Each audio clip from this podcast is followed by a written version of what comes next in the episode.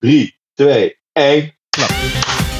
Yes. Nou, dat is helemaal goed. Welkom bij AIAI. Wat een marketingstrategie. Bam. Bam. Nou, dat is gelukt. Dat klinkt nu al professioneel ook. Dit is de podcast waarin ik op zoek ga naar de zin en onzin van marketingstrategie. En dan precies één podcast. Klinkt als een soort uh, reclamepraatje. Eigenlijk knip ik er ook allemaal uit. Wint ervaring het van techniek? Of moet ik toch maar meerdere erkennen? Kijk, ik zal verder geen uh, uitlating over Urk doen. Mijn naam is Rogie Peters. Leuk dat je luistert.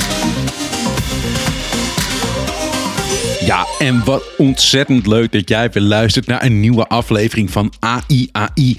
Wat een marketingstrategie. Dit is de allereerste aflevering van 2024. We hebben even een maandje overgeslagen omdat ik vakantie moest houden. En ik had nog oliebollen die ik uh, moest afbakken. En ik had nog wat appelflappen die ik moest opeten. En mijn kastjes waren nogal rommelig. Kortom, ik had heel veel excuses. Maar ik had gewoon even zin in een maandje niks. En het is mijn podcast zoals je weet. En dan nou ja, kan je ook bepalen wat er gebeurt. Dus uh, daarom even een maandje niet. Maar nu kan je gewoon weer lekker luisteren naar jouw favoriete marketingshow. Um, voor nieuwe luisteraars, allereerst welkom en leuk dat je luistert. Dit is dus de podcast waarin ik niet uh, over, maar met ChatGPT in gesprek ga over de zin en onzin van marketingstrategie. En dan doen we er wat jingles omheen en wat, uh, ja, wat interviewtjes links en rechts. En dan hoor je gewoon wat insights over hoe ik naar marketing kijk. Dat is dus hartstikke leuk als je meer van marketingstrategie wilt weten. Zonder allemaal saaie managementboeken hoeven te verslinden. En ik beloof je dat het weer een leuke show wordt. Met uh, onder andere weer een hele leuke gast, waarover later meer. Ja, en elke aflevering dan reflecteer ik ook altijd even kort op de samenwerking met ChatGPT. Want ja, het is nog een beetje een prille relatie. We moeten nog ontdekken wat we leuk vinden aan elkaar. Um, dus ja, is het gewoon een moment, is het goed om af en toe even stil te staan en terug te kijken hoe het gaat. En mocht je het leuk vinden, in mijn blog licht ik ook wat meer toe over mijn ervaring met ZGPT en hoe het is om een podcast met AI te maken. Um, maar ik zal nu ook even iets, uh, iets toelichten, een tipje van de sluier, zo, zo je wil. Ik merk namelijk dat het vooralsnog een zie ik het meer als een leuke gimmick dan echt een serieuze sparringpartner. Uh, het is dat, hij weet absoluut ontzettend veel dingen, maar ik vind hem nog niet echt creatief. Met name als sparringpartner komt er weinig terug en blijft het een herhaling van zetten.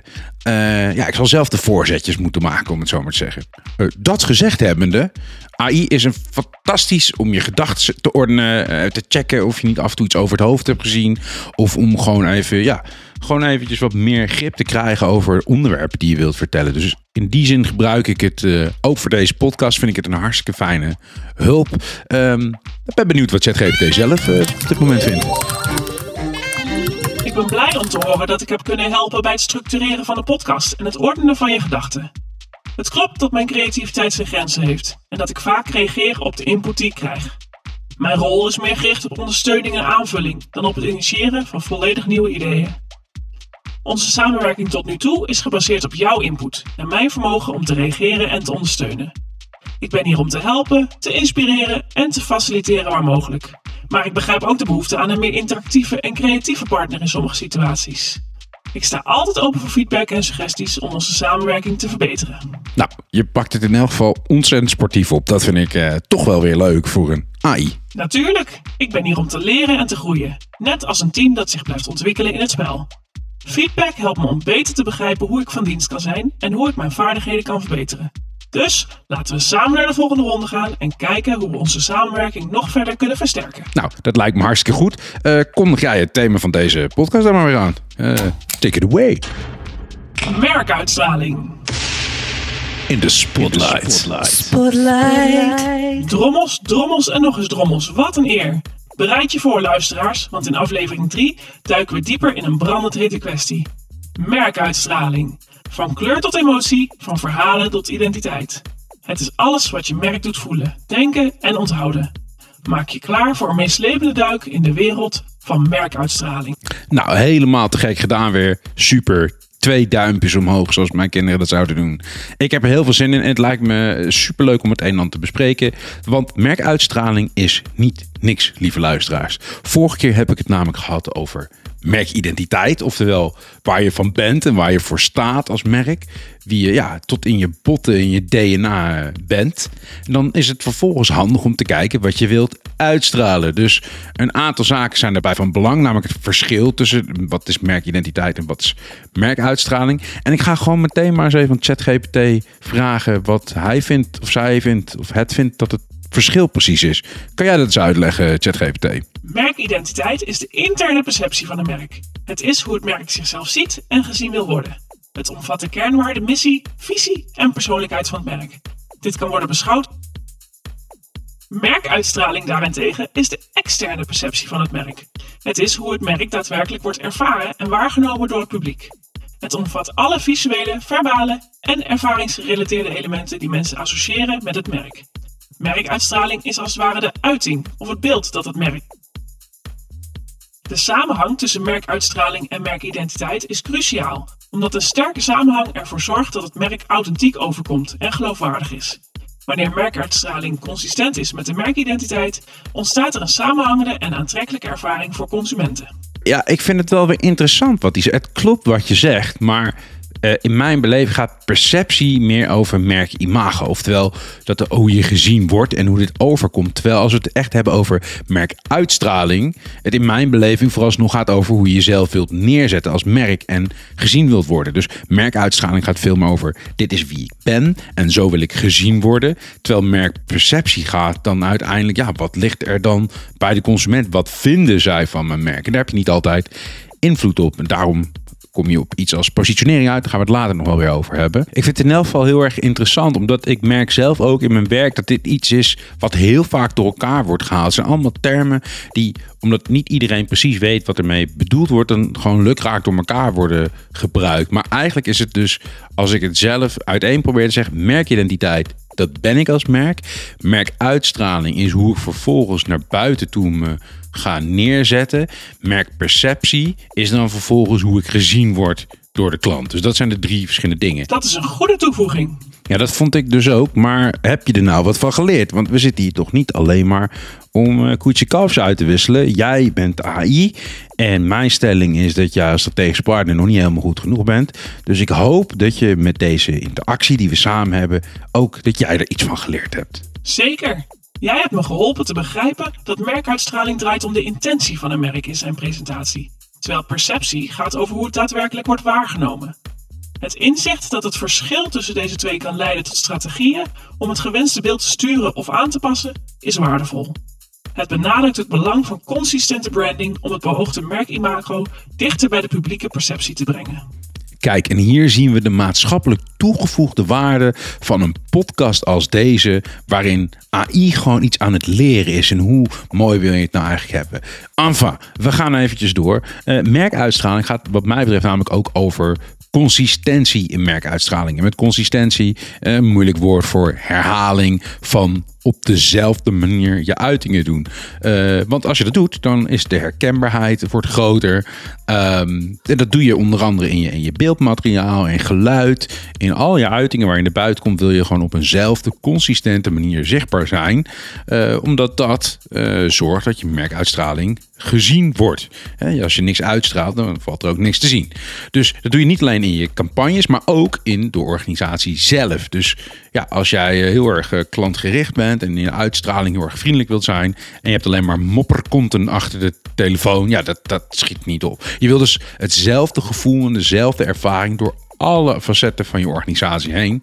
En de crux is dat je dat dus overal doorvoert tot in de haarvaten van je organisatie. Als dat niet lukt, ja, dan, dan valt eigenlijk, spat dat hele bubbeltje uiteen voor, uh, voor klanten. En ik denk een leuk voorbeeld van een bedrijf dat het heel goed doet. Dit is een vanzelfsprekend voorbeeld misschien. Maar dat is Coolblue.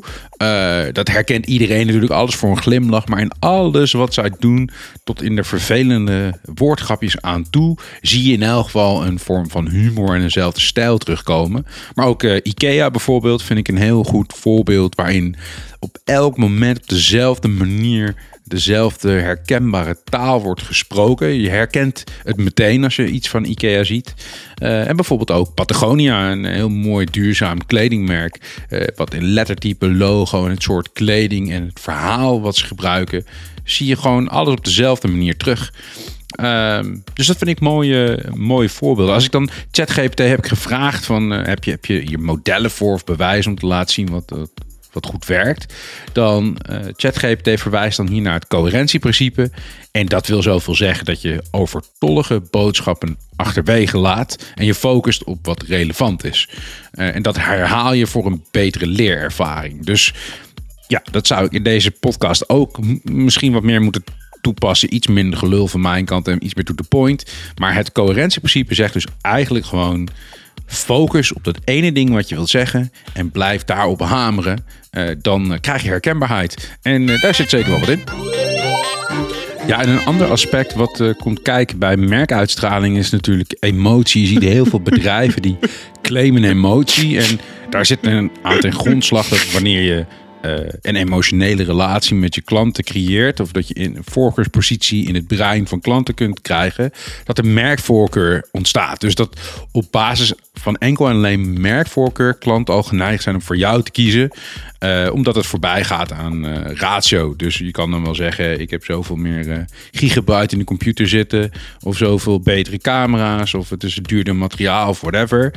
Maar uh, een emotionele voorkeur voor Apple bijvoorbeeld, omdat je gelooft dat je daar creatiever van wordt, gaat ervoor zorgen dat je nooit een, een, Samsung of een ander model koopt. Omdat je nou eenmaal die emotionele binding met dat merk hebt gemaakt. Dus ik geloof er ook wel heel erg in. Ik moet zeggen dat ik het heel erg lastig vind. Ik heb wat onderzoek gedaan, maar er zijn heel weinig echt betrouwbare bronnen die daar verklaring voor geven of die laten zien dat het echt zo is. Uh, misschien heb jij daar wel mooie bronnen voor en, en ken je die, dan, dan stuur die door en ben ik heel benieuwd. Zal ik die uh, meenemen? Ja, en stuur het dan vooral ook naar podcast.merkverschil.nl. Daar behandel ik al jullie verzoekjes, vragen en requests. Het idee is in elk geval wat ik net uitleg. Ik vind Dove heeft ook een mooie reclame daar. Dove's Real Beauty. Wat dan uh, gaat over zelfacceptatie. Dus, de, dus een reclame waarbij ze dan modellen namen die dan iets, uh, iets groter waren dan we gewend zijn. En ja, doet echt een beroep op je, op je eigen zelfbeeld en je eigen waarde. En dat sloeg ook best wel aan bij mensen. En de, de sales zijn volgens mij enorm gestegen na die, uh, na die campagne. Maar echt een wetenschappelijke onderbouwing uh, kon ik niet echt vinden. Uh, ik heb ChatGPT gevraagd van, ja, wat heb jij dan misschien bronnen die hier naar verwijzen, die een verklaring kunnen geven? En dan heeft hij het over het affectiebeoordelingsmodel. en dan zegt hij eigenlijk, nou, weet je wat? Zeg het zelf maar. Het affectieve beoordelingsmodel in de consumentenpsychologie onderstreept het belang van emoties bij de perceptie van merken. Emotionele reacties spelen een cruciale rol in hoe consumenten een merk beoordelen en ervaren. Merken die sterke, positieve emoties oproepen, hebben meer kans om een blijvende indruk te maken en een hechtere band met consumenten op te bouwen. Veel over emotie en gedrag wordt beschreven door bijvoorbeeld Robert Cialdini. Ja, uh, Robert Cialdini. De meeste mensen die kennen hem wel in de marketing. Hij is uh, hoogleraar psychologie en marketing aan de Arizona State of University. En die heeft heel veel boeken geschreven. Een van zijn boeken is Invloed. En daar zijn er miljoenen van verkocht. Een hele wijze man die allemaal dingetjes bedenkt over hoe je gedrag kunt beïnvloeden van bijvoorbeeld bezoekers op je website met uh, hoe je schaarste creëert of hoe je zorgt dat iets uh, meer waarde heeft door het gebruik van recensies. Hij heeft allemaal principes. Uh, Booking.com die, die je weet dat heel goed door te voeren. Als je op hun site wel eens geweest bent, dan herken je dat vast wel. Zoveel kamers zijn er nog maar vrij. Of met, met micro-teksten van jouw kamer, waarin je bevestigt dat jij de keuze hebt gemaakt, et cetera. Er zijn heel veel principes. Ga het maar eens een keer lezen, hartstikke leuk. Uh, maar laten we vooral verder gaan met merkuitstraling. Ja, want een van de aspecten die belangrijk zijn als het gaat over merkuitstraling, is misschien wel uh, storytelling. Ja, als mens zijn wij gewoon gemaakt om verhalen aan elkaar te vertellen. En verhalen zijn een hele krachtige manier om een boodschap over te brengen, om uh, iets bij te brengen. Van kinds af aan krijgen we al verhaaltjes verteld, uh, sprookjes waar een bepaald moreel zit om ons dingen te leren. En een goed merkverhaal kan je dus ook helpen in al je uitingen om uh, ja, dat verhaal verder uit te kleden en uit te bouwen. Om te zorgen dat het verhaal ook in de, in de hoofden van je klanten terechtkomen. Het is een, uh, een manier om emotie op te wekken. Je kan verbinding creëren. Het is in elk geval een manier om echt een indruk achter te laten. En ik heb ChatGPT gevraagd om met een voorbeeld te komen van een organisatie met een krachtig merkverhaal. Uitstekend voorbeeld van een organisatie die storytelling inzet en dit vertaalt naar een merkuitstraling is Tony's Chocolonely. Het verhaal van Tony Chocolonely draait om het streven naar 100% slaafvrije chocolade. Het narratief begint met de oprichting van het bedrijf door journalisten Teun van de Keuken en Sander Borgman, die geschokt waren door de problemen van kinderarbeid en slavernij in de cacao-industrie. Tony Chocolonely zet zich in om deze misstanden aan te pakken en te strijden voor een eerlijke behandeling van cacaoboeren.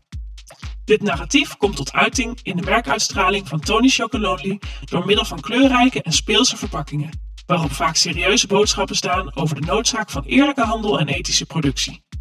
De merkuitstraling is doordrenkt met de missie van het bedrijf en roept een gevoel van betrokkenheid en activisme op bij consumenten. Tony Chocolonely gebruikt verschillende kanalen om een verhaal te delen, waaronder social media, een website en evenementen. Door transparantie en openheid te tonen over hun missie en de uitdagingen waarmee ze worden geconfronteerd, bouwt het merk vertrouwen op bij consumenten en moedigt het hen aan om deel te nemen aan de beweging voor eerlijke chocolade. Kortom, Tony Chocolonely's verhaal van strijd tegen onrecht in de cacao-industrie is verweven in een merkuitstraling. Waardoor het niet alleen een chocolademerk is, maar ook een symbool van ethisch consumeren en sociale verandering. Oh, sorry hoor. Ja, ik ben helemaal opgegaan in het verhaal en ik, eh, ik steun eh, Tony Chocolonely. Hm. Wist je trouwens dat de repen van Tony Chocolonely ook ongelijk verdeeld zijn om dit verhaal weer nog meer kracht bij te zetten. Dus zolang de cacao-industrie oneerlijk is verdeeld, zullen hun repen ook oneerlijk eh, verdeeld zijn qua ongelijke stukken. Ik vind dat een heel mooi verhaal. Ehm, ja, dus, eh, dus dit is wat mij betreft echt een heel goed voorbeeld van een bedrijf dat een heel sterk merkverhaal weet neer te zetten. Ja, en dan komen we bij het laatste punt aan uh, van merkuitstraling. Dat heeft met technologie te maken. En dit is natuurlijk een super breed onderwerp. En ik heb, ik heb mezelf afgevraagd van welke invloed heeft techniek nou op merkuitstraling? En in principe geldt voor alles, alle technieken, alle nieuwe technologieën, dat het slechts een tool is. Dus ik geloof er altijd in. Begin gewoon bij het begin. Begin altijd met wie ben ik? Wat is mijn identiteit? Wat zijn mijn kernwaarden? Waar wil ik naartoe? Waar geloof ik in? Wat is de, de purpose, wat ik de vorige podcast behandeld heb? En als je die lijn helder hebt en je weet duidelijk wie je bent en waar je naartoe wilt gaan, dan zijn de tools slechts een aanvulling op hetgene dat je al wilt realiseren. Nou, nou is het wel zo dat bij opkomende nieuwe technologieën zoals AI is het niet altijd duidelijk wat die impact kan zijn. Ehm, en, en zijn die toepassingen soms onduidelijk en, en moet je gewoon maar beginnen. En soms past het wel bij en soms past het niet bij.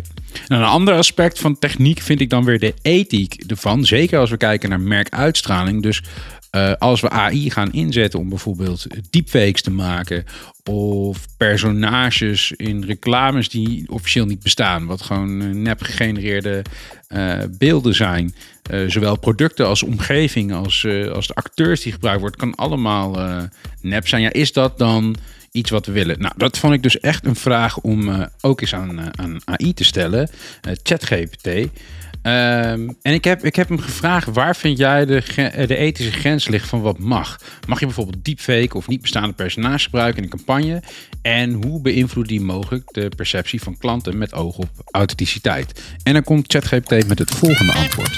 Het gebruik van AI in merkuitstraling roept inderdaad ethische vragen op. Vooral rond zaken als deepfakes en niet bestaande personages in campagnes. De ethische grenzen variëren afhankelijk van de context.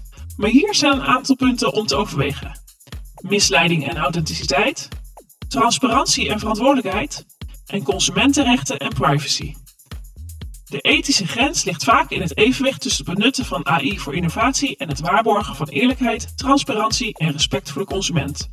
Het is belangrijk voor merken om zorgvuldig na te denken over de impact van AI op de perceptie van klanten en om ethische richtlijnen te volgen die rekening houden met de belangen en rechten van de consumenten. Nou, wat ik hartstikke leuk vind is dat hij uh, dus hij komt niet met, met een kant-klaar antwoord, maar geeft weer overweging. In die zin is het natuurlijk wel weer een sparringpartner.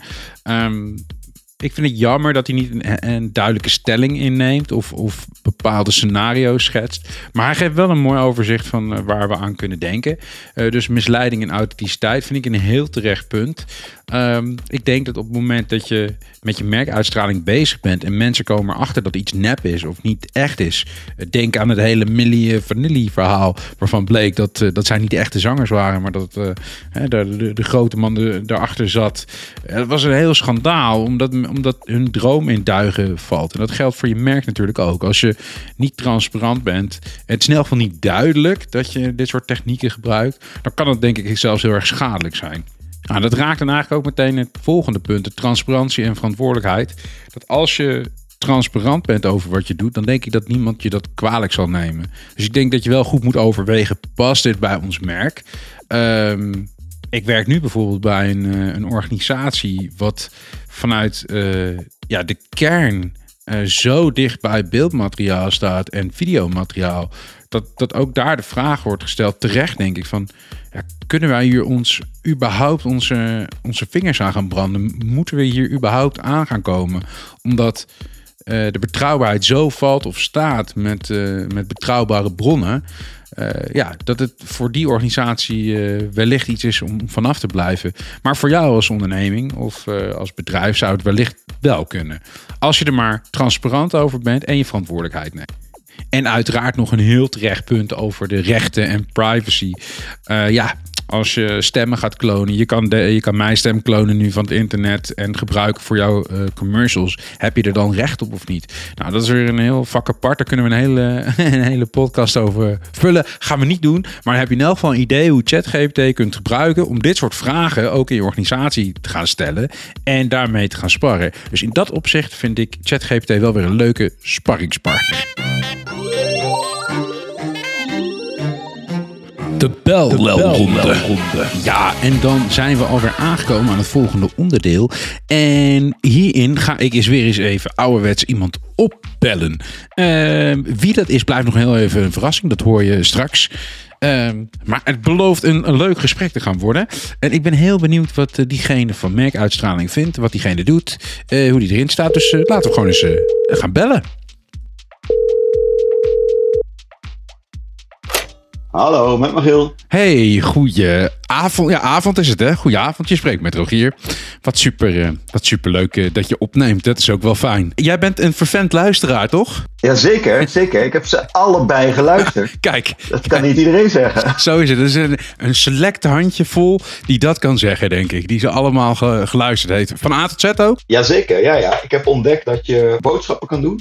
Ja. En dan precies één podcast luistert. En als je dan thuis bent, dan heb je beide klaar. Ik heb mijn tijd nog nooit zo nuttig besteed als eh, vanmiddag. Een prachtige review. Gewoon eh, ideaal voor bij de boodschappen, eh, Ja, deze zeker. podcast. Hey, voordat we verder gaan, en wat de, de luisteraars... Ja, ik weet wie ik aan de lijn heb, maar de luisteraars... die tasten nog spreekwoordelijk in het duister. Ehm, zou jij jezelf heel kort willen voorstellen? Ja, zeker. Ik ben Magiel van Lieshout. Ik werk bij SME en daar doe ik digitale communicatie. Ik ben eh 47 ben ik geworden laat. Nou, dat hoeft er niet in trouwens. Nee, ik knip ik er wel uit. Eh, ik woon in Nieuwegein. ja, tuurlijk. Daarvoor een tijd in Utrecht gewoond. En eh, ja, daar woon ik met heel veel plezier. Ik ben getrouwd en woon ik samen met mijn vrouw en mijn kleine zoontje. Nou, dat is hartstikke leuk. Even voor de beeldvorming hebben de luisteraars een beetje een idee wie ik aan de, aan de lijn heb. Je zei, wat, wat doe je? Zei je digitaal adviseur? Ja, digitale communicatie. Digitale communicatie. En eventjes in een, wat is digitale communicatie? Ja, dat is een hele eh, leuke vraag. Dank u. Het is, het is een heel breed eh, begrip. Je kunt, er, je kunt er eigenlijk van alles van maken. Maar wat, wat ik doe, Maak er wat van. Ik maak er gewoon van. Nee, ik hou me bezig met alles wat eh, marketing en communicatie omvat binnen ehm, eh, onze organisatie. Voor de luisteraars, wat, is, wa- wat voor een bedrijf werk je? Je zei SME, maar wat is dat? Eh SME is een klein bedrijf, zit in Utrecht. En we houden ons bezig met advies aan voornamelijk overheidsinstellingen, zoals gemeentes, maar ook scholen, onderwijs. Ehm woningcorporaties zijn een grote klantengroep van ons. En waar wij ons mee bezighouden is advies op het gebied van duurzaamheid.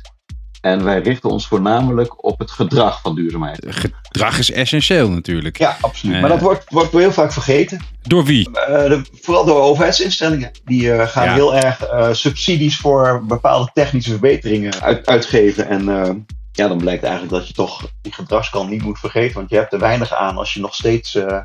kijk, een voorbeeldje hebt. Het ledlampje laat branden. Nou, bijvoorbeeld, ja. En dan geef je die advies, zeg je die tegen mensen, joh, doe dat ledlampje nou eens uit. Ja, wij leiden, wij leiden coaches op die dat uh, aan uh, mensen vertellen. Maar er moeten eerst coaches voor opgeleid worden om ja, te zeggen dat dat lampje... Voor, ja, dat is, daar moet een coach voor opgeleid worden. nou goed, dit is natuurlijk een heel simpel voorbeeldje. Het gaat iets nee, verder dan dat. Onze klanten zijn niet direct particulieren. We werken echt een opdracht van, uh, van overheden. Precies. Hey, en die, de, die overheden die bij, bij SME aankloppen... Nou, laat ik daar eens mee beginnen. Kloppen ze bij jullie aan of kloppen jullie bij hun aan met de vraag of de stelling dat kan beter? Of hebben ze vaak een concrete vraag als ze bij jullie aankloppen? Uh, er, worden vaak dingen vanuit, uh, vanuit het Rijk worden opgelegd. Uh, er is wetgeving die door de Tweede Kamer is gegaan en zij moeten daar zich aan houden. Dus momenteel wat heel actueel is, is het bestrijden van energiearmoede. Nou, daar moeten gemeentes mee in de slag. En daarvoor zoeken ze projecten, hulp. En onze energiecoach is daar een eh, goed middel bij. Maar soms weten gemeenten totaal niet waar ze mee moeten beginnen. Die hebben van het hele woord duurzaamheid nog nooit gehoord. En dan uh, helpen we ze. Dan, welke gemeente is dat? Uh, Urk. Urk. Love you Urk. Luisteraars in Urk. Respect. Shout out. Niks te, nou, nou, nee, ik, ik, zal verder geen uitlatingen over Urk doen. Dit is ook op persoonlijke titel. ja.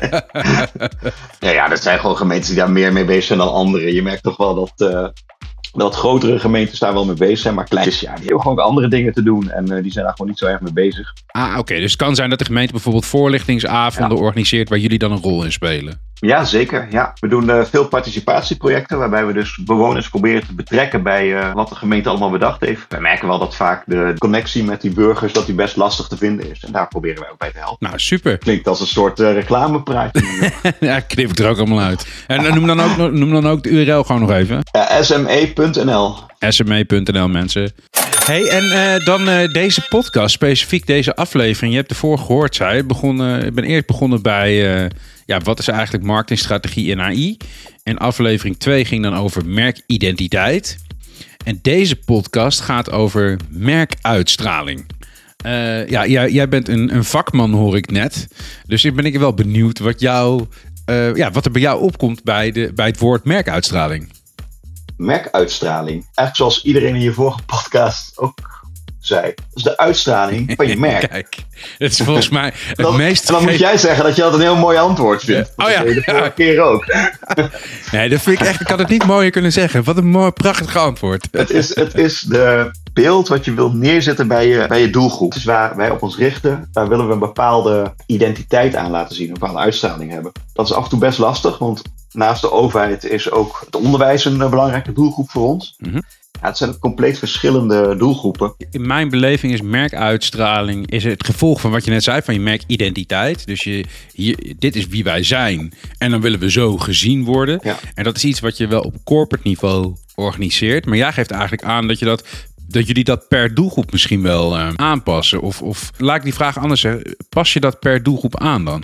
Nou, eigenlijk niet. We zijn, uh, we zijn best wel lang bezig om te zoeken naar wat wij nou uit willen stralen. En ook überhaupt wat onze missie en visie zijn op die verschillende vlakken. Want soms is het ook een beetje bij elkaar geraapt.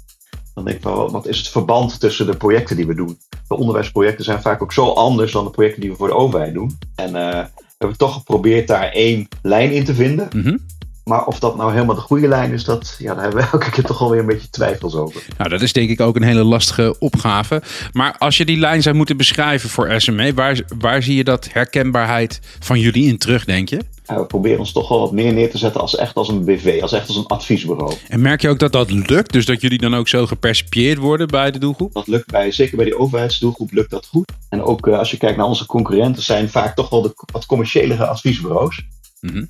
Maar we merken ook het tegenovergestelde, juist weer aan de andere kant. De, de, de scholen en de overheidsinstellingen, onze onderwijsprojecten, ze willen daar vaak niet aan meedoen. We denken van ja, dat is weer zo'n dure partij die uh, heel veel geld aan ons wil verdienen. Ah, dat is wel interessant. Dus doordat jullie je profileren als een robuust uh, professionele organisatie, heb je de ene kant haal je de overheid er mee binnen die dat serieus wil nemen.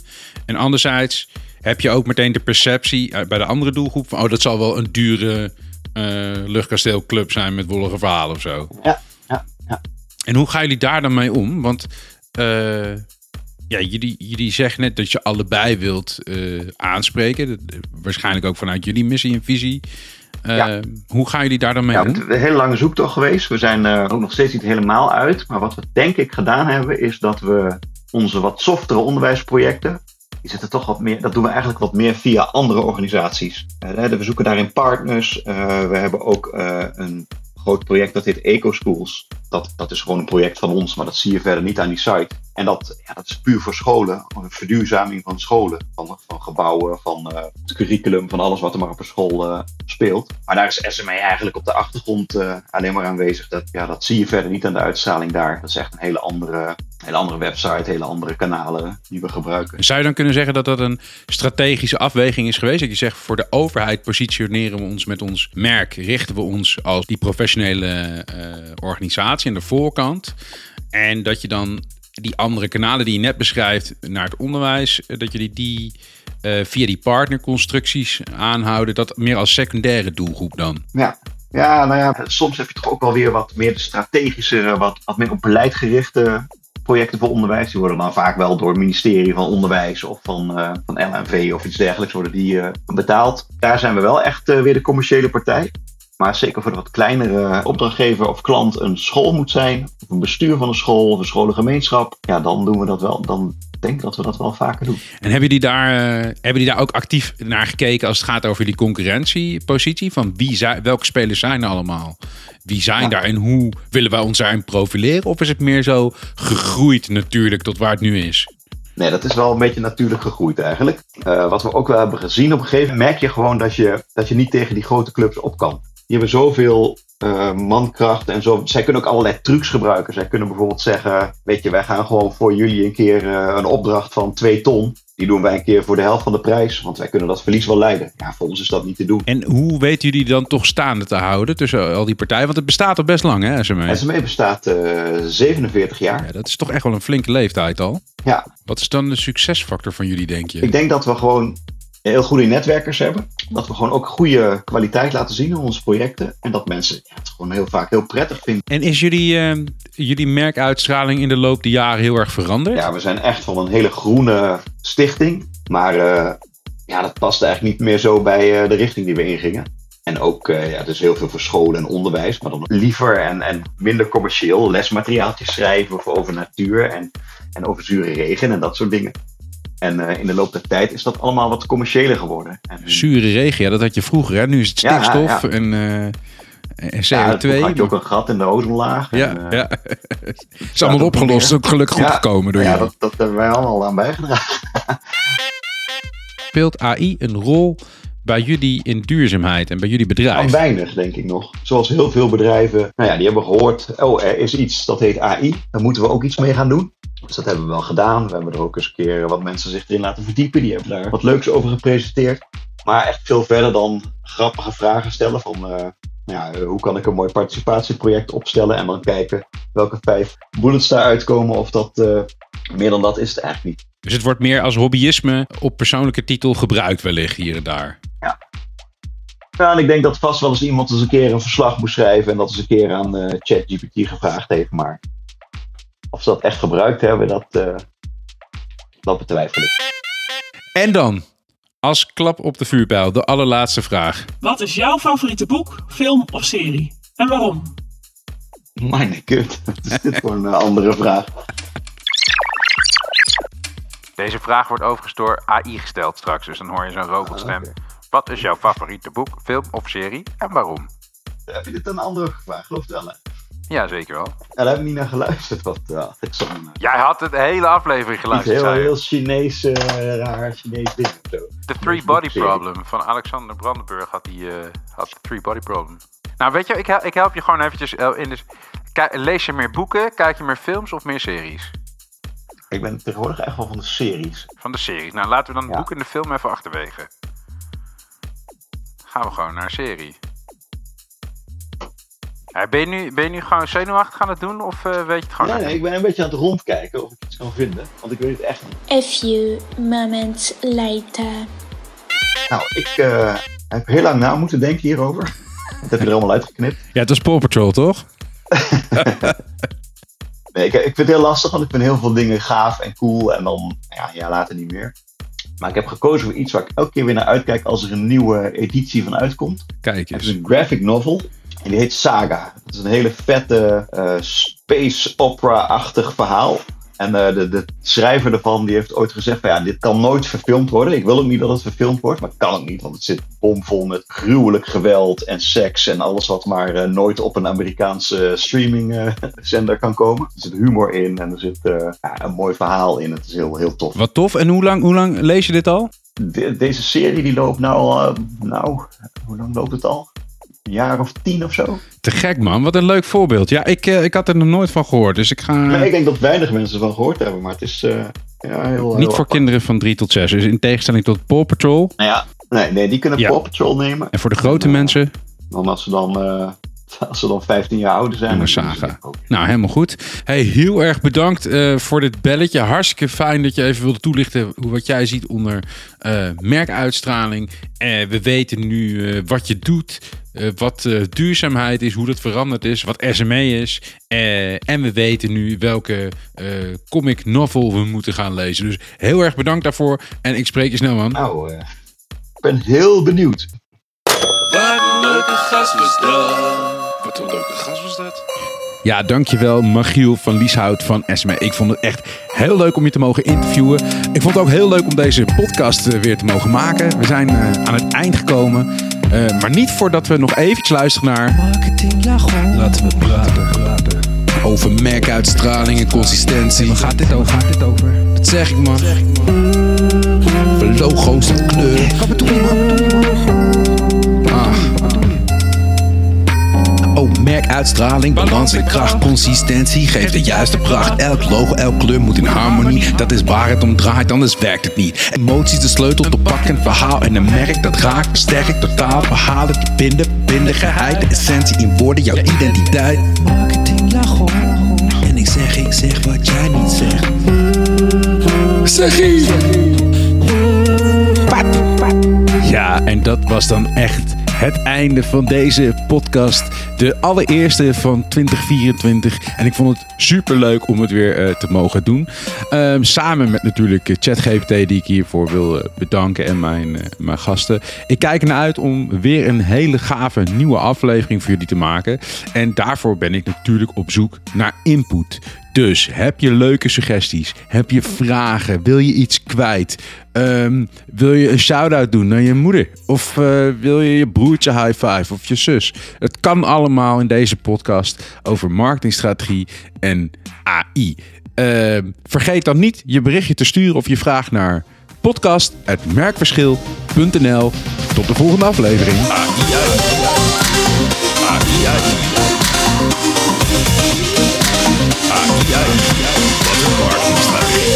Ah, en koffie vergeten. Ja, ja, moet je nog even koffie halen? Dan zet ik alles weer gewoon terug en dan gooi ik gewoon... Nee, nee, nee. Wil ik helemaal meenemen in je. Oh, we kunnen het ook gewoon even snel afraffelen. Ja, precies. Kan ik daarna koffie drinken. Ja, dat doen we.